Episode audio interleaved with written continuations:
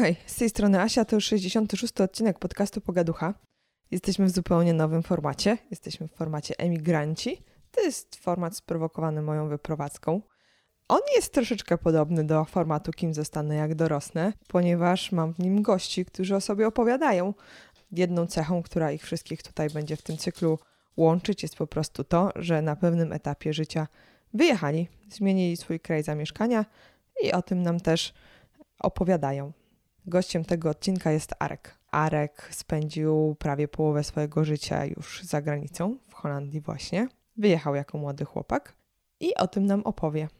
Jest też interesujący, dlatego że pracuje w agencji pracy. To jest takie miejsce, do którego zazwyczaj się trafia po przyjeździe, więc myślę, że każda osoba, która planuje wyjazd albo wyjechała jest właśnie na tym etapie, na którym pracuje poprzez pośrednictwo takiej firmy, albo zastanawia się, czy to nie jest dobre rozwiązanie.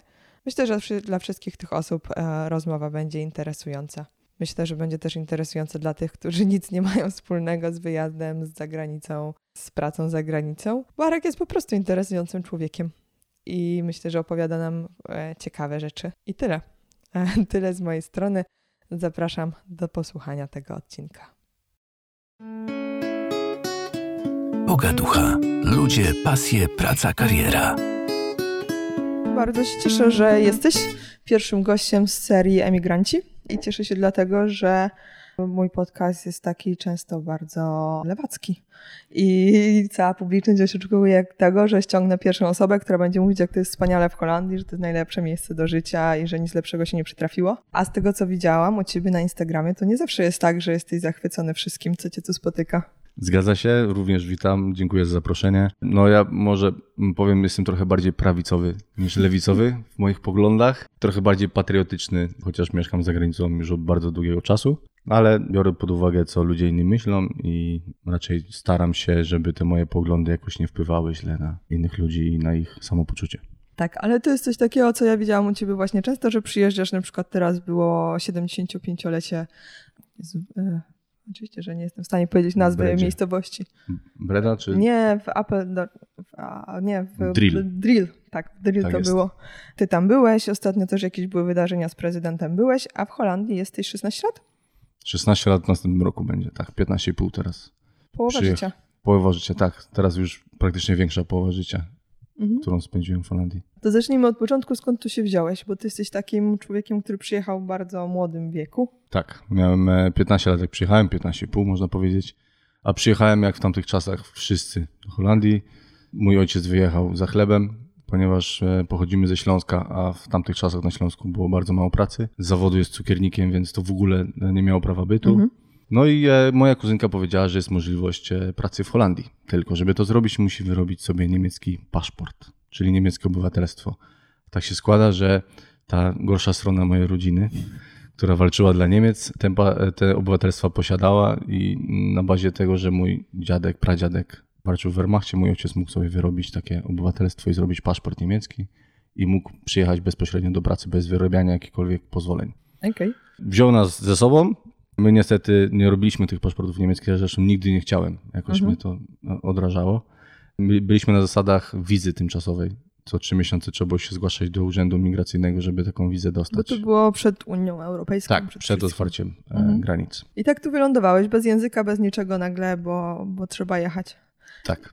Jak się odnalazłeś w tym wszystkim? Nie odnalazłem się. To, to było najgorsze przeżycie, jakie kiedykolwiek miało miejsce w moim życiu, ponieważ mhm tak wspomniałem, pochodzę ze Śląska. W szkole mieliśmy język niemiecki, angielskiego w ogóle. Nigdy się nie uczyłem angielskiego, nigdy jakoś nikt nie popychał mnie do tego, żeby się uczyć angielskiego. Nieprzygotowany byłem kompletnie do tego, żeby się odnaleźć, zwłaszcza w stolicy Holandii, jaką jest Amsterdam, gdzie język niemiecki nie ma prawa bytu. Więc przyjechałem do miejsca, gdzie z nikimkolwiek po prostu nie mogłem się porozumieć w żadnym języku, bo mhm. ani nie miałem polskich sąsiadów. Tak, teraz jest bardzo często i wszędzie tak się mhm. zdarza. Wtedy nie było czegoś takiego. Więc wylądowałem w miejscu z moim bratem, bo przyjechaliśmy razem z moim bratem do stolicy Holandii bez jest języka. Tłok, hałas, zgiełk, takie tak, dosyć. W porównaniu do wiesz, Śląska, gdzie Aha. pochodziłem z jednej z najgorszych dzielnic Bytomia. Znaleźć się w Amsterdamie nagle wszystko było dla mnie szokiem. Także było bardzo ciężko mi odnaleźć się przez pierwsze miesiące i potrzebowałem bardzo dużo czasu, żeby, żeby jakoś się otworzyć, bo byłem strasznie zamknięty w sobie.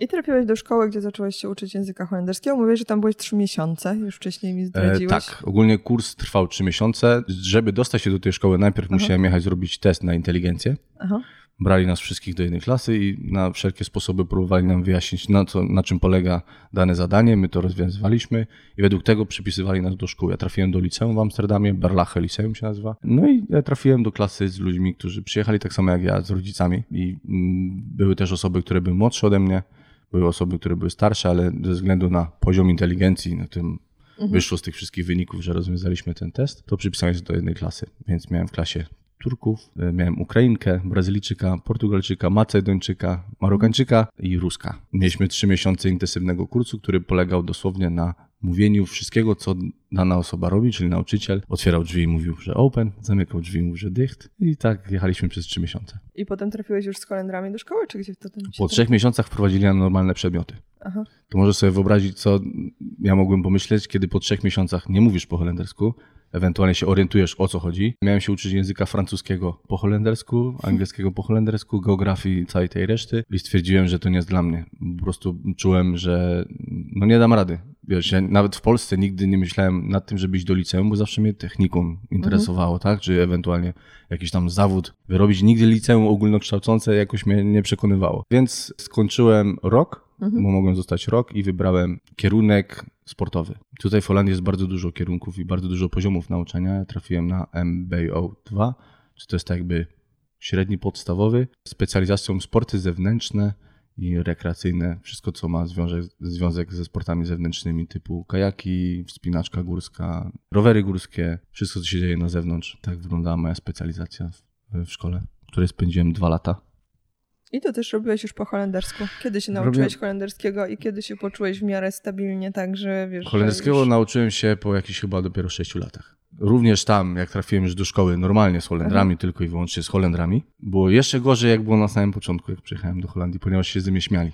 Za każdym razem, jak coś źle powiedziałem, wiesz, z, mówiłem zamiast kolano łokieć, okay. już w drugą stronę i ja nie wiedziałem, że mówię źle, tylko Aha. wiesz, każdy miał ze mnie bekę i, i z czasem jeszcze bardziej, jeszcze bardziej, jeszcze bardziej zacząłem się zamykać w sobie, aż w końcu e, zacząłem ubierać się w luźne ciuchy, ogoliłem głowę na łyso, założyłem kurtkę z chuligana, nikt już mnie nie zaczepiał.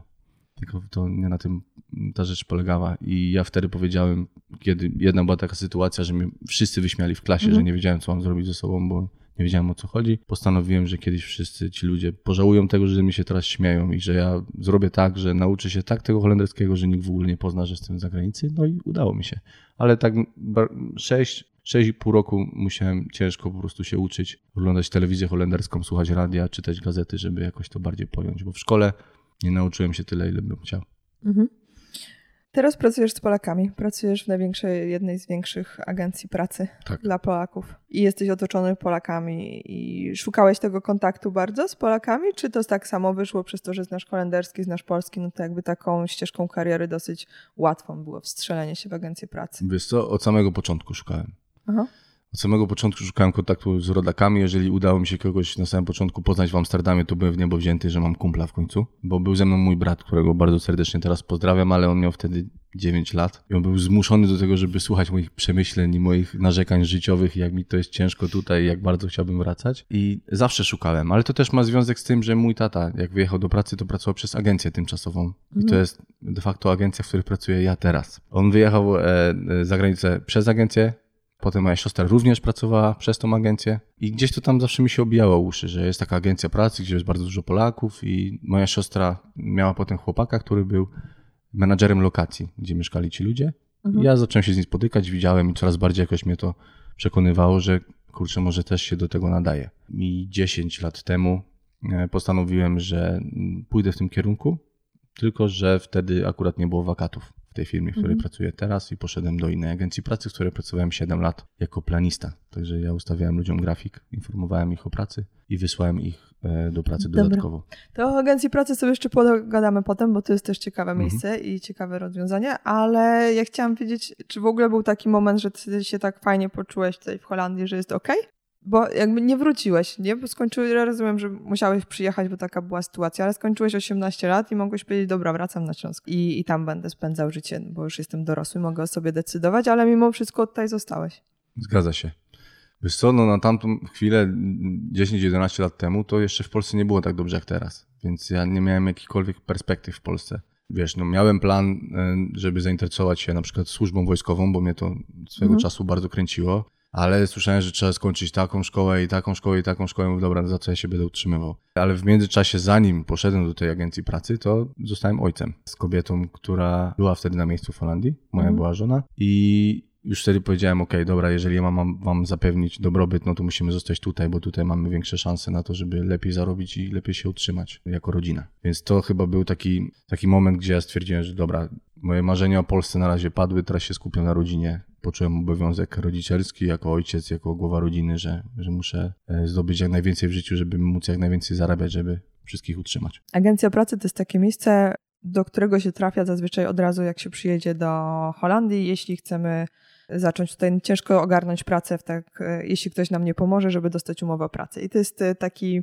właśnie jak to wygląda, bo to jest często tak, że dostajemy sobie umowę przez agencję i potem mamy nadzieję, że ta firma nas zatrudni potem już, jak się sprawdzimy normalnie, czy całe życie sobie możemy jechać przez agencję, jak, jak to, jak Wiesz to co, to, to zależy od klienta, zależy od umów z klientem, zależy od człowieka, jakie ma tak naprawdę wymagania. Są plusy i minusy pracy w agencji. Taki jest plus, że można wziąć urlopu tyle, ile się podoba. Mhm. Nie masz ograniczonej liczby dni. E, I bardzo często też się zdarza, że e, ten pracownik tymczasowy jest częściej planowany do pracy niż taki, który ma tam na przykład wyznaczoną ilość godzin. Więc mi się wydaje, że Czyli w sensie, że możemy jechać nad godzinę na zasadzie takiej, że jak dostaniemy umowę o pracę, to mamy te 8 godzin, zazwyczaj tam wolne weekendy czy jakieś dwa Mhm. dni w tygodniu, a przez agencję możemy często jechać na przykład na jedno miejsce na 8 godzin, potem czy możemy tak, robić jest, więcej. na pewno jest ta fleksyjność, e, jest ta elastyczność, jeżeli chodzi o firmy. Mhm. Wiesz, przyjeżdżając do, do agencji pracy, nie masz obowiązku pracy w jednej firmie. Mhm. I też często ludzie myślą, że ok, przyjeżdżam do firmy X i nigdzie indziej nie idę. No Mhm. To też jest znowu troszeczkę ten minus pracy w agencji, bo jeżeli jest potrzeba zaplanowania kogoś gdzie indziej, no to wiadomo, że pada pytanie, czy ta osoba jest zainteresowana pracą gdzie indziej. No nie ma obowiązku jechania tam na Hama, czy tam jeżeli ma dystans 100 km, czy tam 80, bo różnie to bywa. Czasami się tak zdarza, nie mówię, że często, ale czasami się zdarza, że pracownik na przykład w swojej firmie ma bardzo mało godzin, no to jedzie do firmy gdzieś, gdzie jest oddalona o 100 km od miejsca zamieszkania, ale to tak jak mówię, to jest tylko i wyłącznie wyborem. Tylko chcę, chcę żebyś popatrzyła na to w ten sposób, że do Holandii przyjeżdżają trzy rodzaje Polaków. No właśnie, kto przyjeżdża? Przyjeżdżają ludzie, to jest pierwsza kategoria, czyli tacy jak ty, którzy przy- przyjechali tutaj z rodziną, chcą sobie ułożyć życie i zobaczą, co będzie dalej, tak? Skupiają się na tym, żeby nie mieć styczności z agencjami pracy, żeby e, wyjść do sąsiadów, iść ze sąsiadami na kawę, otworzyć się na ten świat holenderski i którzy skupiają się na tym, żeby tutaj się czuć dobrze. Ale Dru- to jest taka super komfortowa sytuacja, nie? W której Tak. mało kto jest, że udało mi się przyjechać, kupić sobie dom, usiąść na kanapie i jakby pomyśleć nieco dalej. No, i... jest, je, ci powiem, że znam dużo takich ludzi, którzy w ten sam sposób Aha. zaczynali tutaj przygodę z Holandią i bardzo sobie chwalą i chcą sobie tutaj zostać. Druga kategoria to są ludzie, którzy przyjeżdżają na sezon. Mhm. To są ludzie, którzy mają wyznaczony cel. Ok, jedziemy do Holandii, zarobimy 10 tysięcy euro, odłożymy, zjeżdżamy do Polski, kupujemy dom, firmę Mhm. Truskawki, otwieramy. jabłka i Tak jest. Tam. no. A trzecia kategoria, i to jest czego jest teraz na tą chwilę najwięcej, to są ludzie, którzy mają dosłownie wszystko w nosie, Mhm. którzy przyjeżdżają do pracy do Holandii i nie chcą się podporządkować pod to, co się tutaj dzieje w Holandii i nie mają zamiaru ani uczyć się języka, ani e, nie kolegować się z pracownikami gdzieś iść na piwo po pracy. Zwalają wszystko na agencję, w której pracują i e, czują, że to jest ten tak naprawdę punkt naj, najbardziej odpowiedzialny za te ich życie tutaj i nie mają w ogóle poczucia samodzielności. Mhm. I tego na tą chwilę jest niestety najwięcej. Bo po holendersku wtedy nie musimy mówić, nie musimy mówić po angielsku, nie musimy mówić w żadnym języku. E, wiesz co, za, Eee, zależy od firmy, do której przyjeżdżasz. Są firmy, gdzie z, z góry jest wymóg mówienia w obcym języku. Naj, najczęściej jest to język angielski. Wiesz co, no jeszcze się nie zdarzyło, żeby ktoś z Polski przyjechał z holenderskim, więc to się w ogóle nie wlicza. Są firmy, gdzie po niemiecku również wystarczy, ale są firmy też, gdzie nie trzeba mówić. Gdzie masz na danych liniach produkcyjnych masz liniowych Polaków, Polki, które tym zarządzają. Wszystkie zasady bezpieczeństwa masz przetłumaczone na język polski i tak naprawdę nie jest ci to potrzebne. I powiem ci, że takich ludzi jest tutaj teraz najwięcej, bo ci, którzy mówią po angielsku, Mhm. to już powoli przechodzą na kontrakty do klientów, w których pracowali i troszeczkę się odcinają od, od tego biznesu. Także najwięcej z tych, którzy nie mówią żadnym języku i mają największe wymagania. Okej, bo agencja wszystko przetłumaczy, powie po polsku, umowy wszystkie przetłumaczy, jakby też w razie czego odpowiada tak, za te wypłaty, za rozliczenia. Zgadza się. Wszystko idzie przez was. Agencja pracy zapewnia tobie, zapewnia tobie zakwaterowanie, przejazd do pracy, ubezpieczenie zdrowotne, no i opiekę polskiego koordynatora. Czyli tak Ludzie naprawdę mówią koszmarne rzeczy na temat e, nie się mieszkania na hotelu. Tak. To też zależy, do jakiej agencji trafisz, gdzie będziesz mieszkać, czy gdzie jest to gdzieś jakiś e, wypizdowo w środku lasu i no, nie masz dostępu ani do transportu, żeby pojechać sobie do sklepu. Bo wiem mm, z opowiadań, że są takie agencje, które kompletnie mm, nie dbają o swoich ludzi. Tylko wiesz co, to też zależy od człowieka, bo mm, ja mam też różne lokacje, różne hotele i jednemu to się podoba, drugiemu się to nie podoba. Są ludzie, którzy mieszkali w akademikach w Polsce i mówią, że to jest po prostu willa, bo w akademikach jest syf, jak to mówili. Są ludzie, którzy nawet jakby mieszkali w czterogwiazdkowym hotelu i zawsze im nie będzie się coś podobać, zawsze będzie coś, co im, co im przeszkadza i, i nie będzie można im tak naprawdę spełnić tych, e, tych oczekiwań. Bardzo dużo agencji też czaruje przed wyjazdem, pokazują zdjęcia lokacji, których to naprawdę już nie ma, albo to są lokacje dla innych klientów. I no tacy ludzie to najbardziej są w szoku, jak przyjeżdżają i nagle im szczury otwierają drzwi, tak? No, zdarza się, że jeżeli jest jakiś kontener na śmieci na zewnątrz i po prostu jest ciepło, to tam myszy harcują, że tak powiem. I też były takie sytuacje, że ludzie przyjeżdżali, chociaż widzieli lokację, na którą przyjeżdżają, przyjeżdżali na miejsce i powiedzieli, no chyba pan sobie żarty robi, jedziemy sobie. Także no niestety nigdy nie dogodzisz, a my jesteśmy takim narodem, że bardzo lubimy narzekać na wszystko i e, nigdy nam się e, coś do końca nie podoba. Ale tutaj nie będę wymieniał e, nazwy firmy, w której pracuję. Nasza agencja e, teraz skupia się na tym, żeby budować swoje hotele. Są to nowe hotele Aha. na terenie całej Holandii, które spełniają standardy tak naprawdę chyba wszystkich ludzi, bo ani, ani od jednej osoby, ani jednej osoby nie słyszałem, żeby coś tam się komuś nie podobało. Na tej lokacjach, na tych lokacjach są zawsze e, menadżerzy lokacji, Mhm. którzy w razie problemu mogą przyjść coś tam pomóc, mogą odpowiedzieć na pytanie i również w razie jakichś imprez bardzo szybko się tych ludzi mogą e, z tej lokacji pozbyć. Okej, czyli powiedzmy, że jadę sobie do pracy przez agencję. Jadę prosto z Polski, bo przez Polskę sobie to Mhm. gdzieś tam ogarniałam. Przyjeżdżam, mam już ogarniętą robotę, czy od razu? Czy, czy nie mam? Mogę się umówić tak, że od razu mam pracę? No zazwyczaj zaczynasz w poniedziałek. Okej, czyli przyjeżdżam i jadę do pracy w poniedziałek. I dostaję miejsce w hotelu. To jest kilkuosobowy pokój? Jak to wygląda? No, no różnie, wiesz, to zależy Mhm. od, e, od budynku, w jakim to się znajduje. Mhm. Czy to jest hotel. Jeżeli mówimy akurat teraz o naszych, no to są e, pokoje czteroosobowe, Aha. dwie sypialnie, po dwa łóżka i masz pokoje jednoosobowe, ale również mamy takie miejsca, gdzie mamy na przykład trzy, e, trzy osoby w jednym pomieszczeniu. To też zależy od, e, od budynku, w którym ten hotel się znajduje. Jeżeli chodzi o nowe, no to już są te standardy tak, żeby ewentualnie jakichś dwóch kumpli, dwie koleżanki lub parka mogła być w jednym pokoju, e, reszta osób w drugim. A ja ci powiem tak, że bardzo ciężko jest teraz na tą chwilę zapewnić dobre zakwaterowanie, ponieważ wszystkie gminy Mhm. holenderskie nie zgadzają się na to, żeby budować hotele dla Polaków. Mhm. Nie zgadzają się na to, żeby, żeby Polacy mieszkali w ich sąsiedztwie. Od razu jak o tym słyszą, to zaczynają się bulwersować, idą do gminy, składają skargi, piszą petycje i bardzo ciężko jest tych ludzi umiejscowić. To wszystko zale- zależy od tego, w jakim hotelu mieszkasz i również przez jaką agencję jest to wynajmowane, ponieważ prawo zmieniło się w Holandii od 2000, żeby cię nie skłamać, 14 roku. Agencje pracy nie mogą same wynajmować zakwaterowań, czyli wykorzystują do tego firmy zewnętrzne. Okej. Prawo weszło takie, że nie można bezpośrednio kasować ludziom e, pieniędzy z wypłat Mhm. za zakwaterowanie i używają do tego różnych innych firm. Jest Mhm. parę firm w Holandii, na terenie Holandii, którzy właśnie ogarniają jakiś hotel i wtedy agencja pracy wynajmuje od tej drugiej Mhm. agencji e, zamieszkania te pokoje i no, nie zawsze widzimy, jak to wygląda. Wiadomo, że staramy się, żeby te warunki były jak najlepsze, tylko no, no nie zawsze możemy widzieć, jak to wygląda w przód. Czyli, żeby się nie nastawiać zbyt- optymistycznie, jakby ktoś chciał przyjechać, no to zakładam, że dostanę jakiś pokój, będą tam inni ludzie, nie mam pojęcia, co to są za ludzie w tym moim pokoju Tak. i muszę z nimi żyć. Jakoś sobie z tym poradzić. Dobra. I w poniedziałek idę do pracy, mam jakikolwiek tam, dyskutuję na temat tego, gdzie chcę iść do pracy, czy po prostu Wiesz co, zanim, dostaję? zanim przyjedziesz do pracy, to już podpisujesz kontrakt. Już wiesz, na jaką ofertę przyjeżdżasz, bo reagujesz na wakat na stronie internetowej zazwyczaj lub dzwonisz. Proponują ci pracę. W momencie, kiedy zgadzasz się na tą pracę, teraz mówię z mojego doświadczenia, jak to u nas wygląda. Jeżeli ja dostanę informację, że ktoś podpisał już kontrakt, to dzwonię do tej osoby i tłumaczę. Słuchaj, będziesz pracować tu i tu, takie i takie funkcje, to i to musisz mieć ze sobą, buty robocze. Od razu polecam, jeżeli ktoś chce przyjechać do Holandii, żeby kupić sobie swoje, bo w Polsce naprawdę można za tanie pieniądze kupić dobre buty robocze, a w agencjach zazwyczaj są takie z chińskiego rynku, który Mhm. po prostu raz, dwa, trzy się rozpadną. Także szkoda tych pieniędzy, bo trzeba za to kaucję zapłacić. Więc zanim przyjedziesz, już moim zdaniem każda agencja powinna cię poinformować, w jakim miejscu będziesz mieszkać, jak będzie wyglądał twój pokój i jak będzie wyglądać twoja praca, jak do tej pracy będziesz dojeżdżać. I co to są za prace? Wiesz co? Zazwyczaj najczęściej przez agencję.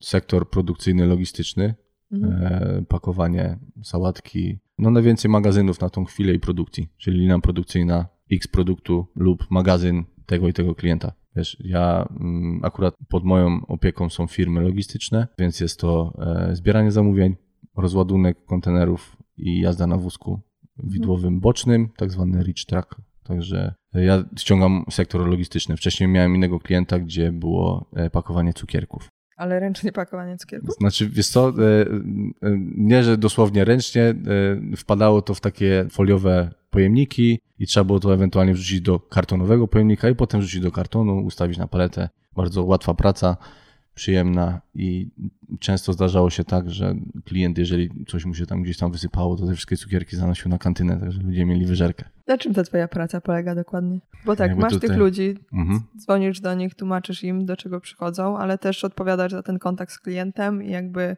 łączysz właśnie pracownika z klientami i z logistyką łożenia grafików, kto na gdzie Mhm. idzie, to wszystko robisz. Moja praca polega na tym, że jestem e, pierwszym punktem komunikacji i dla pracownika, i dla klienta. Klient zgłasza, że ma zapotrzebowanie. Ja ludzi zamawiam w Polsce, ponieważ mamy w Polsce biura rekrutacyjne, które dla nas tych ludzi werbują. Nie musimy tego na szczęście sami robić. A agencje holenderskie robią sami takie rzeczy, więc nie mają żadnego zewnętrznego biura. Więc oczywiście to jest biuro, które pracuje w tej samej firmie i nazywamy się tak samo. I na podstawie tego informuję ich, przyjeżdżałem do pracy. Zazwyczaj jest tak, że ja tych ludzi wprowadzam lub moja koleżanka lub kolega do pracy w pierwszy dzień, także widzimy się, mamy kontakt. No i odpowiadam za te, za te jego godziny, żeby miał ich wystarczająco. Odpowiadam za to, żeby klient był zadowolony z tego pracownika. Spotkania, meetingi, omawianie e, rokowań na następny czas, e, zamawianie rowerów, ponieważ mam dwóch klientów i jedni dojeżdżają na rowerach Mhm. drudzy samochodami, wymiana samochodów, planowanie e, serwisów dla tych samochodów, załatwianie dodatkowego transportu, jeżeli e, wcześniej kogoś puszczą do domu. Także wszystko ma to związek z pracą, no i e, też w większej mierze właśnie kontakt z klientem, żeby był z tych pracowników zadowolonych. I to jest tak mm, twardo powiedziane, to są wszystkie obowiązki, funkcji, które ja wykonuję, ale ja zazwyczaj staram się zrobić więcej. Zastanawiam się, bo posz- poszedłeś w tą stronę tej agencji, czyli właśnie w stronę tych Polaków, w stronę kontaktów ciągle z tymi Polakami nowymi przyjeżdżającymi. Nie chciałeś ich gdzieś w inną stronę?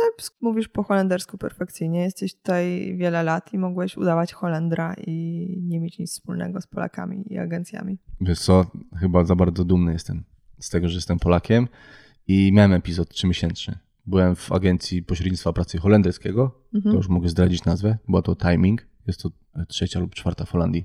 I próbowałem. Mhm. Miałem tylko Holendrów za kolegów, tylko holenderskich pracowników tymczasowych. To byli ludzie, którzy tak naprawdę, jeżeli tam był jakiś Polak, który pracował z nimi, to ja miałem wrażenie, że ten Polak jest po prostu 20 razy mądrzejszy od tej osoby, która pracuje tam, bo Holendrzy zazwyczaj, którzy podejmują takie prace produkcyjne, to nie błyszczą inteligencją. Mhm. Więc to powiem ci, że troszeczkę mi się tam nudziło. Wiesz to zero wyzwań. No i w dalszym ciągu czułem się nieswojo. Nie wiem, jest to we mnie, siedzi we mnie coś takiego, może to ma, to jest przez to, że w przeszłości tej szkole byłem prześla- prześladowany, że, że nie mówiłem po holendersku. Gdzieś mi to utkwiło, że jak jestem w towarzystwie tylko i wyłącznie Holendrów lub ludzi, którzy tylko mówią po holendersku, to ciężko mi się odnaleźć. Nie umiem jakoś, wiesz, być sobą w 100%. Ale to jest kwestia, Holendrzy są inni. Ty czujesz takie różnice, że ci Holendrzy Bardzo są czuję. Inni? Jesteś traktowana jako Polka. Zawsze. Zawsze. Niezależnie od tego, jak bardzo... To może zależy, gdzie jesteś. Okej, zacznijmy od tego, że najlepiej się żyje w północnej Holandii. Amsterdam, Haga, tamte okolice. Tam nie ma żadnych podziałów. Tam jesteś człowiekiem. Ale tutaj, mieszkając już tutaj już naprawdę pory czas, zauważyłem, że w dalszym ciągu, czy mógłbym mówić nawet tak po holendersku, że nikt nie wie, że skądś jestem, bo zresztą tak jest teraz. I nikt nawet nie podejrzewa, że ja mogę być z zagranicy. Chociaż nie byłem tutaj urodzony i każdy mnie pyta, co ty się tutaj urodziłeś? Ja mówię, no nie, no mieszkam w Holandii 15 lat. Jak to jest możliwe, że tak mówisz? Ja mówię, no i tłumaczę, bla, bla, bla, bla. Wiesz co, w dalszym ciągu, gdziekolwiek bym nie był, to w dalszym ciągu czuję się jak Polak, ale nie przez to, że ja mam takie poczucie, tylko że to czuć, wiesz, energię ludzi czuć z daleka, jak, jak z, z kimś rozmawiam, ja mam, wiesz, bardzo silne odczucia, jeżeli ktoś ma negatywną energię w stosunku do mnie lub jakąś taką, Jezu, kto to jest, wiesz o co chodzi? I no, nie przekonuje mnie to. Ale y, w ogóle czujesz coś takiego, w których miejscach Holendrzy się różnią? Jakby y, w sposobie, nie wiem, o czym rozmawiają, czy inaczej, czy w ogóle wydaje ci się, że dalej nie miałeś takiego prawdziwego dostępu do Holendrów, jakby miał inny Holender? Wiesz co, na własne życzenie chyba nie miałem takiego dostępu, ale no tak jak mówię, w Amsterdamie żyło mi się najlepiej. Nie wiem, czy tutaj doświadczyłaś, ale idąc po ulicy, nieznajomy ci ktoś powie ci dzień dobry. Wiesz, w Polsce u mnie na dzielnicy, gdybym Mhm. do kogoś powiedział cześć, to pewno bym po zębach dostał. Znaczy, to było takie dziwne na samym początku. Mhm. Ale czuć taką serdeczność od tych ludzi w Amsterdamie. Wiesz, bardzo dużo ludzi narzeka na ludzi z Amsterdamu, Mhm. ale to można powiedzieć, że to było moje rodzinne miasto, bo pierwsze 6 lat życia spędziłem w Amsterdamie. 6 lat życia w Holandii spędziłem w Amsterdamie, więc tam bardzo dobrze się czuję. Jak odwiedzam, wiesz, moją mamę czy brata, to naprawdę czuję się świetnie. Jest, jest taka aura, bardzo, bardzo przyjazna. Tylko, że w Amsterdamie już ponad 50% ludzi to nie są Holendrzy. No tak, i chyba dlatego, wiesz? Tak? Ale jeżeli na przykład mówię tutaj o Holendrach, bo Mhm. również mam znajomych, którzy mieszkają w Amsterdamie i są Holendrami, dałbym za tych ludzi po prostu się pociąć. Naprawdę tak fantastycznie się czuję w ich otoczeniu, że wydaje mi się, że to chyba te miejsce, wiesz, przez to, że oni zostali przyzwyczajeni, że zawsze mają tych turystów, że muszą w końcu otworzyć się na nich, że muszą w końcu z nimi współpracować, to to gdzieś tam się utkwiło w ich mentalności, że muszą być otwarci i przyjaźni do nich. Także tamten rejon, jeżeli chodzi o miejsce, w którym mieszkam, jest to Brabancja, to powiem ci, że często się nawet zdarza tak, że jak mówię dzień dobry przy kasie, to mi pani nie odpowiada. Bo wcześniej słyszała, że na przykład z moim kuzynem, którego również pozdrawiam, rozmawiamy po polsku przy kasie i jak już wyłapię, od razu widzę, jest błysk w oku i nawet czasami się zdarza, że ktoś nie odpowiada. Ciekawe. Nie wiem, ja się, wiesz, spotkałam tylko z tym, poza tym, że wszyscy są bardzo mili i serdeczni, ale w taki bardzo e, powierzchowny sposób na zasadzie Mhm. sąsiedzi, że e, no na razie o, moi sąsiedzi nie mówią po angielsku, nie? Aha, Więc e, to jest problem. Ja tam się kombinuję z tym holenderskim jak mogę, ale muszę ustalić, jakie kwiatki mamy, e, bo mamy wspólny ogródek, więc to jest już dla mnie trudne po holendersku. Ale zauważyłam, że im bardziej mówię po holendersku, no to wtedy dopiero się zaczyna taki jakiś taki problem. Jak byłam na, na takiej małej wiejskiej kwieciarni.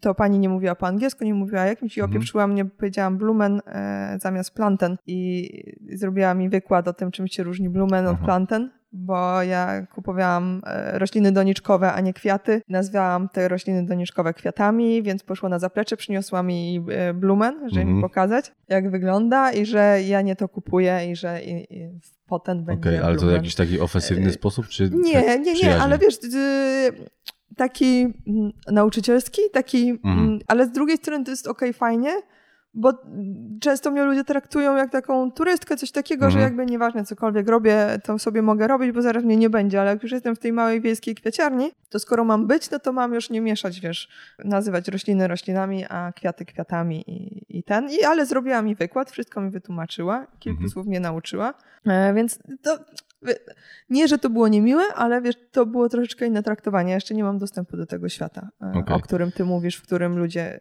wiesz, Powiem ci, że się. często też się może zdarzyć tak, że będziesz się uczyć już holenderskiego, jako ci tam to będzie szło. Będziesz mówić w języku holenderskim do Holendrów, a oni ci będą odpowiadać, odpowiadać po angielsku. Bardzo często. Bardzo często tak się zdarza i mm, to nie jest, że, że wiesz, oni by chcieli jakoś ci ubliżyć, Mhm. Ale w ich głowach jeszcze się nie przedstawiło, że wiesz, jak osoba, która przed chwilą nie mówiła po holendersku, nagle zaczyna mówić i oni chcą tobie pomóc tak, żeby się z sobą jak najlepiej dogadać. Mhm. E, I u nas, wiesz, moi pracownicy niektórzy również uczą się holenderskiego i jestem świadkiem, jak mówią po holendersku do jakiegoś tam superwizora, on powiada, odpowiada im po angielsku. Czy ja wiem, jak się właśnie zapytałem mojego kumpla, czy, czy jest to mm, z tego powodu, że nie wiem, wy nie chcecie, żebyśmy mówili po holendersku? Mówi, nie, nie, że chyba szybciej się będzie wtedy dogadać po angielsku i że Holendrzy są, Holendrzy są tacy, że okej, dobra, to już wolę mieć to załatwione, niż się tutaj produkować z tobą. Bo jest taki zarzut do Duńczyków, nie? że oni nie chcą, żeby mówić po duńsku i, i że Okej, a to, to, nie, to nie że- wiedziałem, nie że- słyszałem o tym. Ty się będziesz uczyć, a oni będą uparcie cię mówić po angielsku, to jest takie ich i że tak, A. tak ludzie mówią, ale ja znowu nie do końca w to wierzę. Wydaje mi się, że to może być też taki czysty pragmatyzm, że Mhm. po co masz się męczyć. Dobra, mówiłeś o tych Polakach, o tych trzech rodzajach Polaków, to już nam mm, tłumaczyłeś, jacy są. Mówiłeś o tym pierwszym rodzaju Polaków, który właśnie przyjeżdża i chce e, sobie przyjechać. To jest, mi się wydaje, dosyć nowa fala taka emigracyjna, która się zaczęła po takiej emigracji właśnie zarobkowej z powodu Mhm. tego, że potrzeba jest pieniędzy. To jest taka emigracja trochę lifestyle'owa na zasadzie chcę spróbować żyć inaczej. Dokładnie. To są ludzie, którzy właśnie postanawiają zmienić swoje życie, a nie zmienić swoje zarobki. To mm, wydaje mi się, że no, tacy ludzie zawsze istnieli, zawsze byli, zawsze wybierali gdzieś tam chcieli jechać, gdzieś chcieli zmieniać życie. Możliwe, że wtedy również przyjeżdżali do Holandii na bazach tych wizowych, ale teraz jest więcej tych ludzi, którzy po prostu, wiesz, no świat się zmienia, ludzie są bardziej otwarci na wszystko. My, Polacy, jesteśmy bardzo zamknięci i zawsze byliśmy i bardzo jest dużo właśnie teraz takich ludzi, którzy jednak gdzieś tam im się jakaś lampka zapala, że kurczę, może jednak poznam trochę świata, wiesz, jeżeli ktoś się źle czuje w miejscu, w którym jest, to dlaczego nie miałby tego zmienić i bardzo dużo ludzi wybiera Holandię.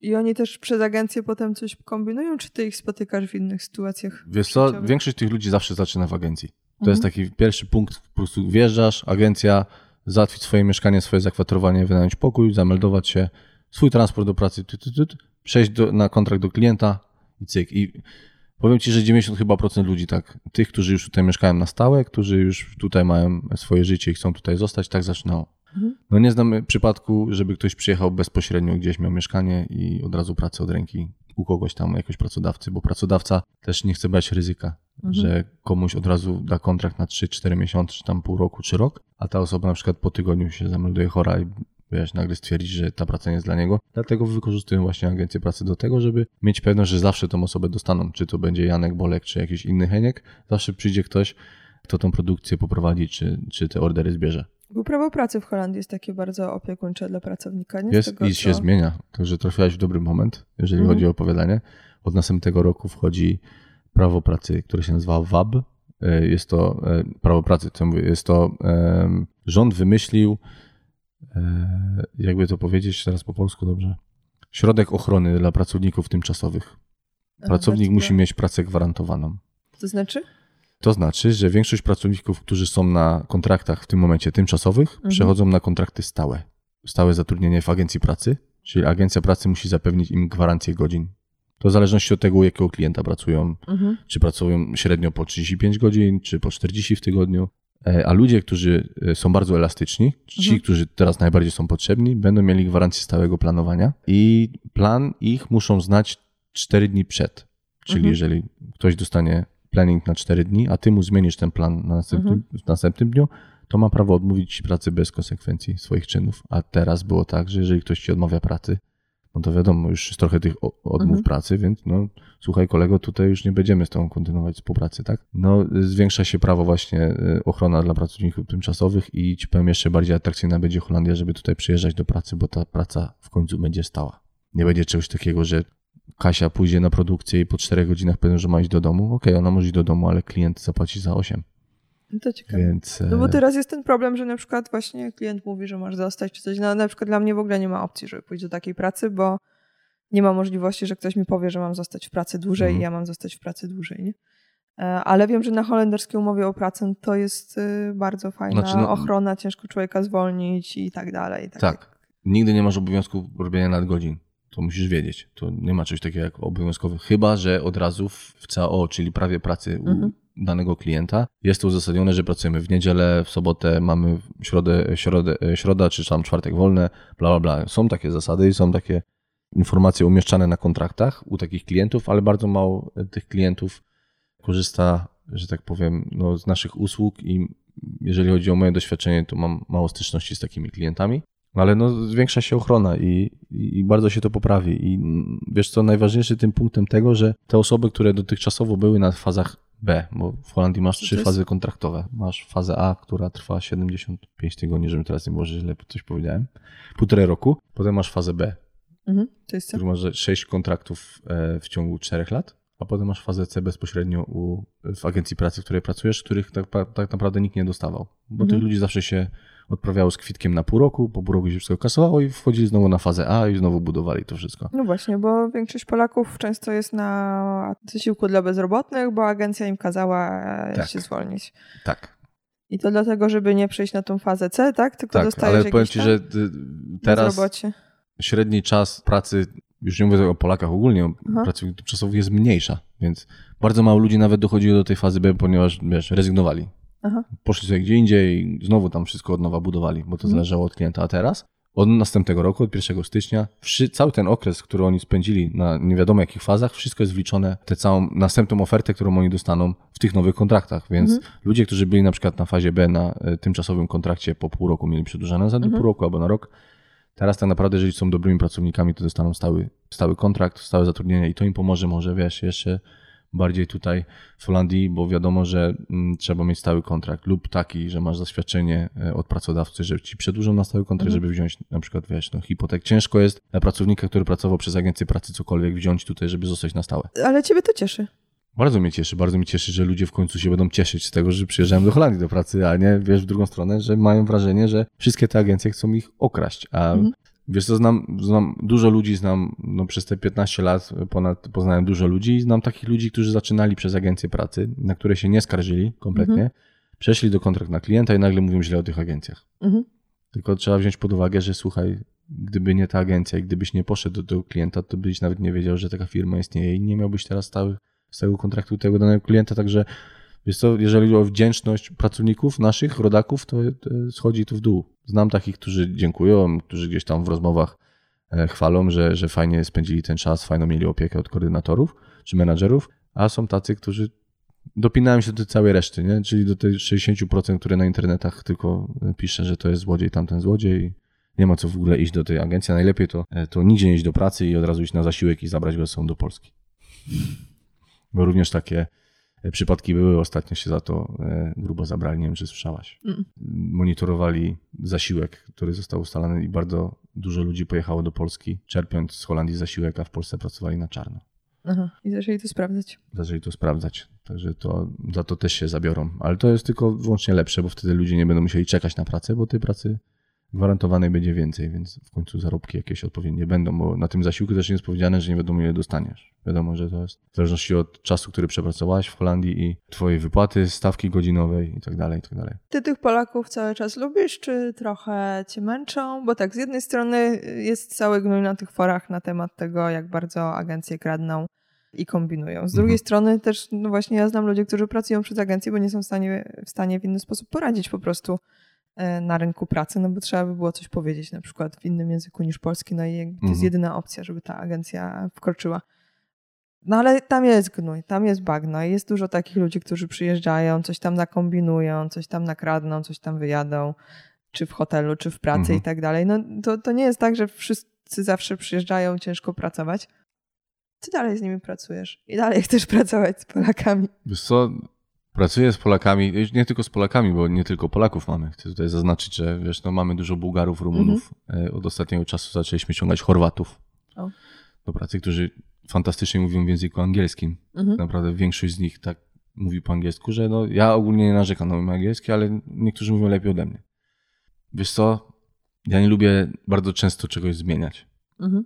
wiesz, zdobyłem taką funkcję i przez te, przez te lata doświadczeń, bo już 10 lat pracuję w agencji pracy, żeby zacząć gdzieś od nowa, musiałbym oddać kawałek swojej wypłaty, bo zbudowałem już sobie taki, wiesz, level, Mhm. że jestem drogi na rynku i jakakolwiek inna agencja by mnie chciała, to by musiała za mnie po prostu zapłacić, a mi to sprawia radość. Wiesz, Mhm. nie ma tylko i wyłącznie złych sytuacji, tak jak mówisz o kombinatorach na lokacji, bo tacy Mhm. ludzie są, że tak powiem tutaj żargonie likwidowani bardzo szybko. Mhm. Wiesz, ja Ale tak... to jest właśnie jaki procent? Wiesz, na zasadzie tej, bo ja głównie o tym czytam, bo Mhm. y, gdzieś tam w internecie i to jest zawsze jakieś takie skargi na te hotele, na to, że ktoś tam gdzieś został wyrzucony, bo słusznie, niesłusznie, bo był pijany, ale on się czuł trzeźwy, wiesz, no jak takie, takie historie są, no i ty za to odpowiadasz, że ktoś się skarży, że jego kumpel z pokoju czy pokoju obok chodzi narąbany i się awanturuje, trzeba gdzieś tam wkroczyć do tej akcji. To jest duży procent tych wszystkich ludzi, czy to jest tak, że jakby jest normalnie, tylko no ja widzę ten gnój, bo ten gnój się rozlewa, no. No chyba, chyba, chyba, wiesz, bardziej ci powiem tak, że na 40-50 osób zawsze będzie jeden taki, który przyjechał tutaj się pobawić Mhm. i nie za bardzo chce się tej osobie pracować.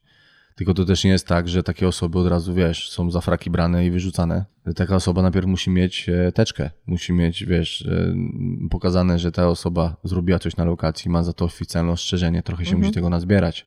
Kiedyś jeszcze było tak, za, e, niektórzy mówią, świetnych czasów agencji pracy, że za wszystko, za każde przewinienie pracownik dostał karę pieniężną. Jak się związki zawodowe tym zainteresowały, to to wszystko wycofali, ale weź pod uwagę to, że wcześniej tego było bardzo mało, bo Mhm. pracownik, jeżeli, tutaj, wiesz, z głowy teraz ci mówię, nie wiem, na przykładzie wybił szybę, Mhm. no to dostał tam rachunku 150 euro za wymianę szyby.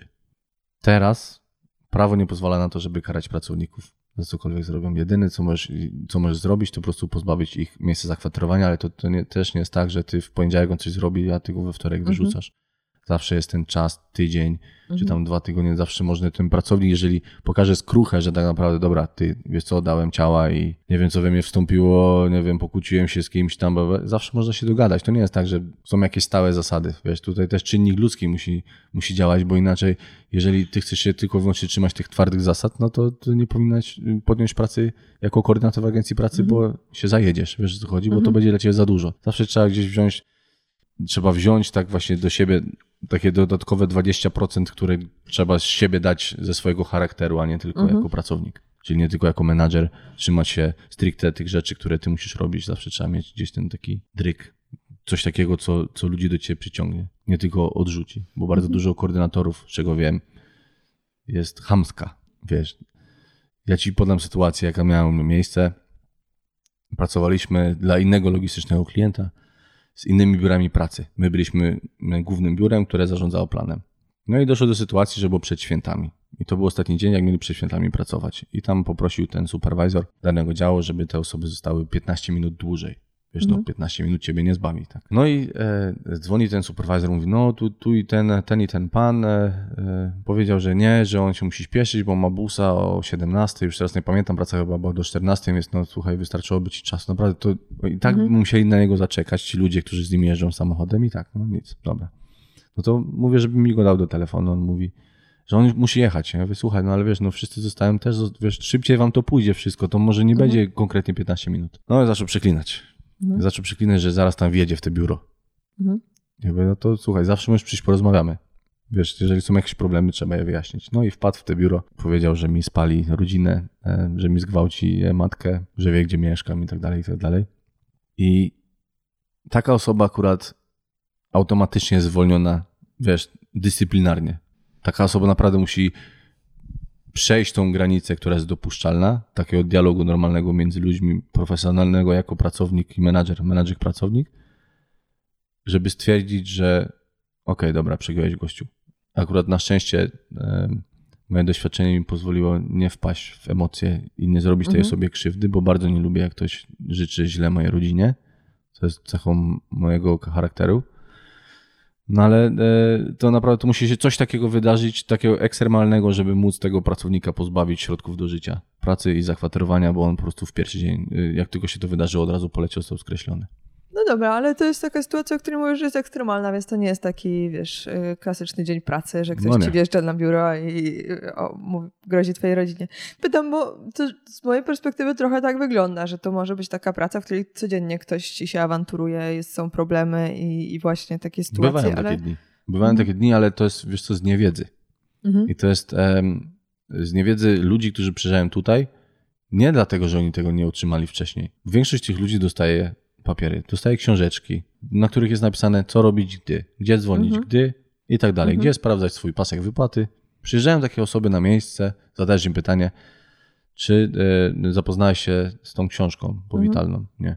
A dlaczego? No, nie miałem czasu. No i tych nie miałem czasu, to ci powiem 70% teraz na tą chwilę. I wtedy na spokojnie musisz jeszcze raz, jak człowiek wyjaśnić.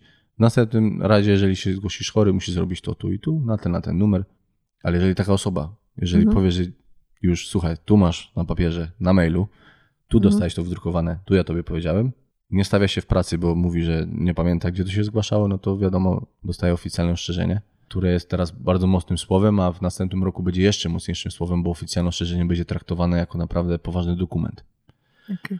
Czyli ten pracownik będzie chroniony, ale jak naprawdę coś przeskrobie, to oficjalne ostrzeżenie będzie czymś bardzo złym dla niego. Jeżeli osoba dostanie oficjalne ostrzeżenie, to musi być naprawdę konkretne przewinienie, to wtedy w jego teczce, jeżeli to jest, to inne agencje również mogą takiej osobie nie zaproponować pracy. Ale narzekań z tytułu tego, że nie wiem, że tego nie dostałem i tego, to mi się nie zgadza, te godziny mi się nie zgadzają, zawsze się kończą na tym, że ta osoba siada koło mnie, otwieramy kartkę z godzinami, y, wchodzimy do systemu klienta, pokazuję mu, co przepracował i nagle mówi, aha, no nie, to się zgadza. Bardzo dużo ludzi od razu negatywnie się nastawia, że coś musiał mi ktoś ukraść. Przychodzi do momentu liczenia, kiedy, słuchaj, ale tutaj wyszedłeś do domu wcześniej, bo chciałeś się wcześniej zwolnić. O, no tak, zapomniałem. Także to się bardzo szybko da wyjaśnić, bardzo szybko się te problemy rozwiązują i taka osoba już potem wie, że następnym razem lepiej to sprawdzać, ale No raz, dwa razy w tygodniu zawsze się ktoś zdarzy, kto ma zawsze z czymś problem. Tylko wiesz, no, dla mnie to już nie stanowi żadnego problemu, Mhm. żeby to usiąść z kimś i mu wytłumaczyć 20 razy, bo ja wolę to 20 razy wytłumaczyć niż raz za mało i dojdzie do czegoś tragicznego. No to, jest taka praca, trzeba niestety czasem traktować tych naszych pracowników jak dzieci. Wiesz, Mhm. my mamy takie duże przedszkole i tych naszych pracowników czasami trzeba za rękę wziąć i pokazać im, jak się co robi i gdzie, i gdzie się zgłaszać, ale wydaje mi się, że to jest właśnie ten większy cel tej pracy teraz, w tych czasach, żeby się przestawić na to, że nie możesz oczekiwać tylko i wyłącznie od pracowników twoich, tylko musisz coś więcej od siebie dać. Jakbyś miał dać taką radę, bo wiesz, też pierwsza rzecz, którą ja zrobiłam, zaczęłam się zastanawiać, czy może by się nie udać do pracy, tak wiesz, jak już tu jestem. E, I włączyłam sobie filtr na języki, że stwierdziłam, no jakby jaki mam atut. No moim atutem Mhm. jest to, że e, mówię po polsku bardzo dobrze. No i po angielsku też, więc sobie Mhm. wyfiltrowałam, gdzie jest potrzebny polski i angielski i myślałam, też miałam jakiś tam kontakt z, właśnie z ludźmi z Ukrainy w Polsce, więc okej, jakby jestem w stanie to ogarnąć. I też zarządzałam zasobami y, w, w Polsce, no jakby ogarniam to, tylko styl zarządzania w Polsce też się zmienia na taki właśnie bardziej opiekuńczy i na to, że ty jesteś dla tych ludzi wsparciem i od tego jesteś, żeby, żeby tłumaczyć, a nie po to, żeby krzyczeć, poganiać i, i gdzieś No tam tak. biegać z batem. No i w Polsce to się rusza. Są jeszcze Januszolandy i też z takimi miejscami miałam mm, styczność, gdzie, gdzie nie było przyjemnie, bo, bo ktoś miał taki pomysł, że dalej można ludzi Mhm. gdzieś tam trzymać w piwnicy i po prostu jak y, dostają pieniądze co miesiąc, to się powinni cieszyć, no ale jakby to nie jest to, co, co się rozwija, no i słusznie, no bo to... No i niestety te ogłoszenia, które, no trafiłam od razu na ogłoszenie, że mogę iść do agencji pracy jako tam koordynator, Mhm. czy, czy ktoś tam do ogarniania dokumentacji i język tego ogłoszenia o pracę był sam w sobie super agresywny. Wiesz, ty na, Mm. używasz nawet takich y, określeń, co ja rozumiem, bo to jest jakby taki skrót myślowy, wiesz, zamawiam ludzi, nie? Mhm. Ale już ten język tego ogłoszenia, on sam w sobie miał agresję taką na zasadzie musisz umieć tam, no, no to po prostu znaczyło, że musisz trzymać ludzi za gardło po prostu, wiesz, i nie dać sobie w kaszę dmuchać, a w ogóle to być odpornym na stres. I to, z tego ogłoszenia już wynikało, że ja muszę być po prostu odporna na jakąś strasznie złe rzeczy, a z drugiej strony muszę być super agresywna. No to właśnie było różne synonimy po prostu, wiesz, słowa agresywny jako mm, y, to, czego szukają. No Jakby Okej. to nie jest, to, mm, to nie była twoja agencja pracy. Okej, na szczęście. No więc ja stwierdziłam, że no nie, nie ma opcji, bo jeśli ktoś pisze takim językiem ogłoszenie o pracę, no to y, już wiem, co tam się będzie działo, a to jakby nie jest to, co ja bym chciała w życiu robić, być osobą niemiłą, agresywną. Mhm. Jak sprawdzić agencję pracy i miejsce pracy, do którego jedziemy, jeśli chcielibyśmy pojechać? Jakbyś miała dać taką radę, wiesz, dla słuchaczy, co sprawdzić, zanim się spakują i pojadą? Na co uważać? No, dobre pytanie. Ale to mówisz teraz bezpośrednio do pracy e, jako pracownik produkcyjny, Mhm. czy żeby podjąć pracę jako Nie, koordynator? nie, nie. Do, jeśli chcę przyjechać gdzieś do pracy, bo chcę zacząć sobie życie w Holandii od przez agencję i zacząć się potem stabilizować gdzieś tutaj. Wiesz co, żeby to nie zabrzmiało za bardzo głupio, ale na pewno nie sprawdzać opinii w internecie. Musicie wziąć pod uwagę to, że na, na internecie znajdziecie tylko i wyłącznie negatywne opinie lub pozytywne wykupionych pracowników, którzy spędzają czas na Facebooku i repostują te rzeczy. My akurat tak nie robimy, ale wiem, że tak jest, że Mhm. wy, wypożyczają ludzi po to, żeby gdzieś tam sobie zapun- zapunktować, bo taka opinia kompletnie ci w niczym nie pomoże. Wiesz, to też wszystko zależy od człowieka, czego on chce, czego oczekuje, jakie ma wymagania. E, Jeżeli chcecie przyjechać do pracy do Holandii, to na pewno się upewnijcie, że dana agencja pracy ma certyfikat ABU albo NBBU. To są certyfikaty. Jest taka firma, przedstawiciele ABU, którzy raz w roku przyjeżdżają do danej agencji i sprawdzają, czy wszystko gra.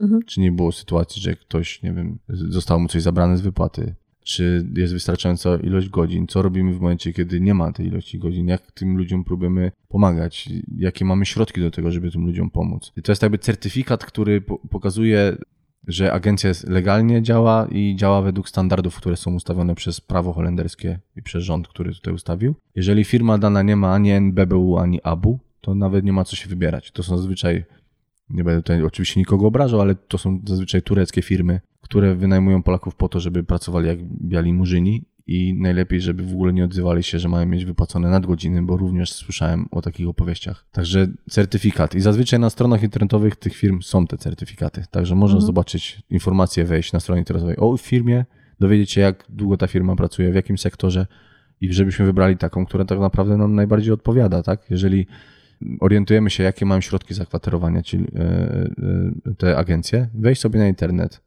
poszukać sobie tego miejsca, wygooglować sobie na mapach, Mhm. jaka to jest okolica, czy fajnie to wygląda, jaki jest dojazd, gdzie jest miasto.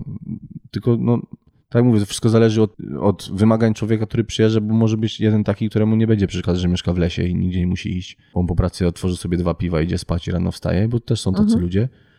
Mm, Certyfikaty i zobaczyć stronę. Jak widzicie, że strona internetowa jest zrobiona na pierdziel, to to jest taki dowód na to, że troszeczkę chyba im nie zależy na tym, żeby się ludzi ściągnąć, a jak już ściągałem ludzi, no to potem są różne e, sytuacje typu, że śpią na paletach w magazynie, bo odmówili im zakwaterowania. E, też się ostatnio to zdarzyło. Także sprawdzić stronę, zobaczyć, czy strona ma certyfikaty. Jeżeli już naprawdę chcecie być, e, mm, zachować się tutaj jak Sherlock Holmes, można zadzwonić do urzędu jakiegoś w Holandii, do urzędu podatkowego, do urzędu KFK, KVK po polsku i sprawdzić, czy ta firma jest legalna. Ale zazwyczaj te, te, te oferty y, na internecie, które można znaleźć, to są od firm, które już jakieś lata pracują. Wiesz, wydaje mi się, że żadna firma, która e, ściąga ludzi do siebie w sposób nielegalny, ogłaszałaby się gdzieś na internecie, bo to potem jest jako dowód, żeby tą firmę bardzo szybko zamknąć. Więc no strona, no wiesz, ja jestem wzrokowcem, jak mi się coś podoba wizualnie, no to już to tak trochę bardziej wygląda, e, e, że jest do zaakceptowania i że, że warto się tym zainteresować. No powiem Ci na przykład na przykładzie Lidla, Lidl jako sklep również prowadzi rekrutację swoją, ponieważ otwierają różne magazyny. To strona ich wygląda jak po prostu ktoś ją zrobił w 1994 i po prostu no, kompletnie nie zachęca. I to ludzie zwracają uwagę na takie, na, na to, takie rzeczy, także e, również, no, jeżeli mają jakichś znajomych, tak? Jeżeli, mm, jeżeli mają znajomych, którzy pracowali w filmie lub w tej firmie lub znajomych, którzy mają znajomych, którzy pracowali, spróbować najpierw dowiedzieć, jak to wygląda. Y, Oczywiście nie pytać, ile będę zarabiać netto, bo to jest e, tak, jakbyś miała nagle po prostu zacząć, wiesz, wróżyć z, e, z fusów, bo nigdy się nie dowiesz, bo to jest w zależności od wieku, przepracowanych godzin, stawki godzinowej e, i czy ma potrącane za zakwaterowanie, czy jest to jakoś liczone w brutto, czy w netto, więc też taka rada, nigdy nie pytajcie, ile wy zarobicie netto, bo to się nigdy wam nie sprawdzi. Urząd podatkowy ma swoje stawki i nie wszystkie są takie same. Jakie masz plany? No teraz pracujesz w tej agencji, masz tu dzieciaki małe dosyć, znaczy małe, już Tak. nie takie bardzo No, małe. Grasz, śpiewasz, tak? Koncertujesz? Ja jestem człowiekiem, który ma 10 tysięcy zainteresowań różnych. Mhm. E, Muzyka zawsze była dla mnie mm, jakąś częścią życia, ponieważ pochodzę z mu- muzykalnej rodziny. Mój ojciec e, e, grał na gitarze, na organach, śpiewał w kościele, w chórku. Moje siostry również. Mam dwie siostry. E, Jedna mieszka w Holandii w Hadze, a druga mieszka w Polsce dalej. I jak, e, po weselach jeździł i grywał po weselach i gdzieś ta muzyka zawsze we mnie była. Ostatni rok, jak byłem w Polsce, to był 2003, ja nagle odkryłem, że potrafię rymować, że potrafię składać rymy. Jak przyjechałem do Holandii, to jakoś tam sobie to odkryłem, tylko ja ci powiem, że w momencie, kiedy ja byłem w szczycie formy, można tak to nazwać, chociaż nie uważam, że piszę gorzej niż wtedy, ale wtedy nie było w ogóle popytu na to tutaj. Wiesz, teraz w tych czasach jest tyle festiwali, tyle koncertów polskich, tyle polskich raperów, tyle jest możliwości na supporty, żeby się pokazać. Jest e, organizowana impreza e, przez DJ-a Shadowface'a w Zandamie. Jest to taki e, zamknięty skatepark. Oni mają taką, taką fajną miejscówkę, gdzie podpinają, e, wiesz, e, konsole, podpinają gramofony i można tam sobie ponawijać, można się pokazać. E, nazywa się Showroll Skills. Nie było tego wcześniej. Także jak ja myślałem, że ja coś osiągnę w muzyce, no to niestety nikt tego nie chciał słuchać. Dostałem propozycję z Polski, z Warszawy, ponieważ zauważyli we mnie talent. No ale to było tylko dlatego, że ja, moja przyjaciółka była dziewczyną tego gościa, który do dzisiaj też jest czołowej, e, jest na czele sceny polskiej hip-hopu. I powiedziałem, ci, e, powiedziałem sobie, że wtedy mi nie wyszło i wolę już tego nie robić już na taką, mm, na taką skalę, jak to robiłem wcześniej. I mój brat, który służył mi jako statyw, bo podtrzymywał mi tekst, jakby on, on był malutki i podtrzymywał mi tekst i ja go patrzyłem na ten tekst i sobie nagrywałem, przejął pałeczkę i jest najlepszym polskim raperem w Holandii i wiesz co, bardzo, bardzo mi to imponuje. Ja bym chciał iść bardziej w stronę śpiewu. Zawsze chciałem śpiewać, zawsze się wstydziłem. Wstydziłem się tego, ponieważ źle zostałbym odebrany w otoczeniu w Polsce. Ponieważ jestem z biednej dzielnicy. śpiewają. Mój rap też był w większości na samym początku bardzo kibicowski. Mhm. Był ukierunkowany grupie kibiców i nagle gdzieś tam był taki strach, że co oni pomyślą. Ale teraz ci powiem, że mam to w nosie, bo e, nikt nie będzie mi życia układał i chciałbym, chciałbym iść w kierunku właśnie e, śpiewu, tylko na to trzeba mieć czas. To, że nie można pracować tak jak ja Mhm. I hobbystycznie podchodzić do tego, tylko trzeba się na tym naprawdę konkretnie skupić. A że e, mam tylko tak naprawdę dwa weekendy wolne w ciągu miesiąca dla siebie, bo dwa inne spędzam z dziećmi, no to tego czasu jest mniej. Na pewno chciałbym coś robić z głosem.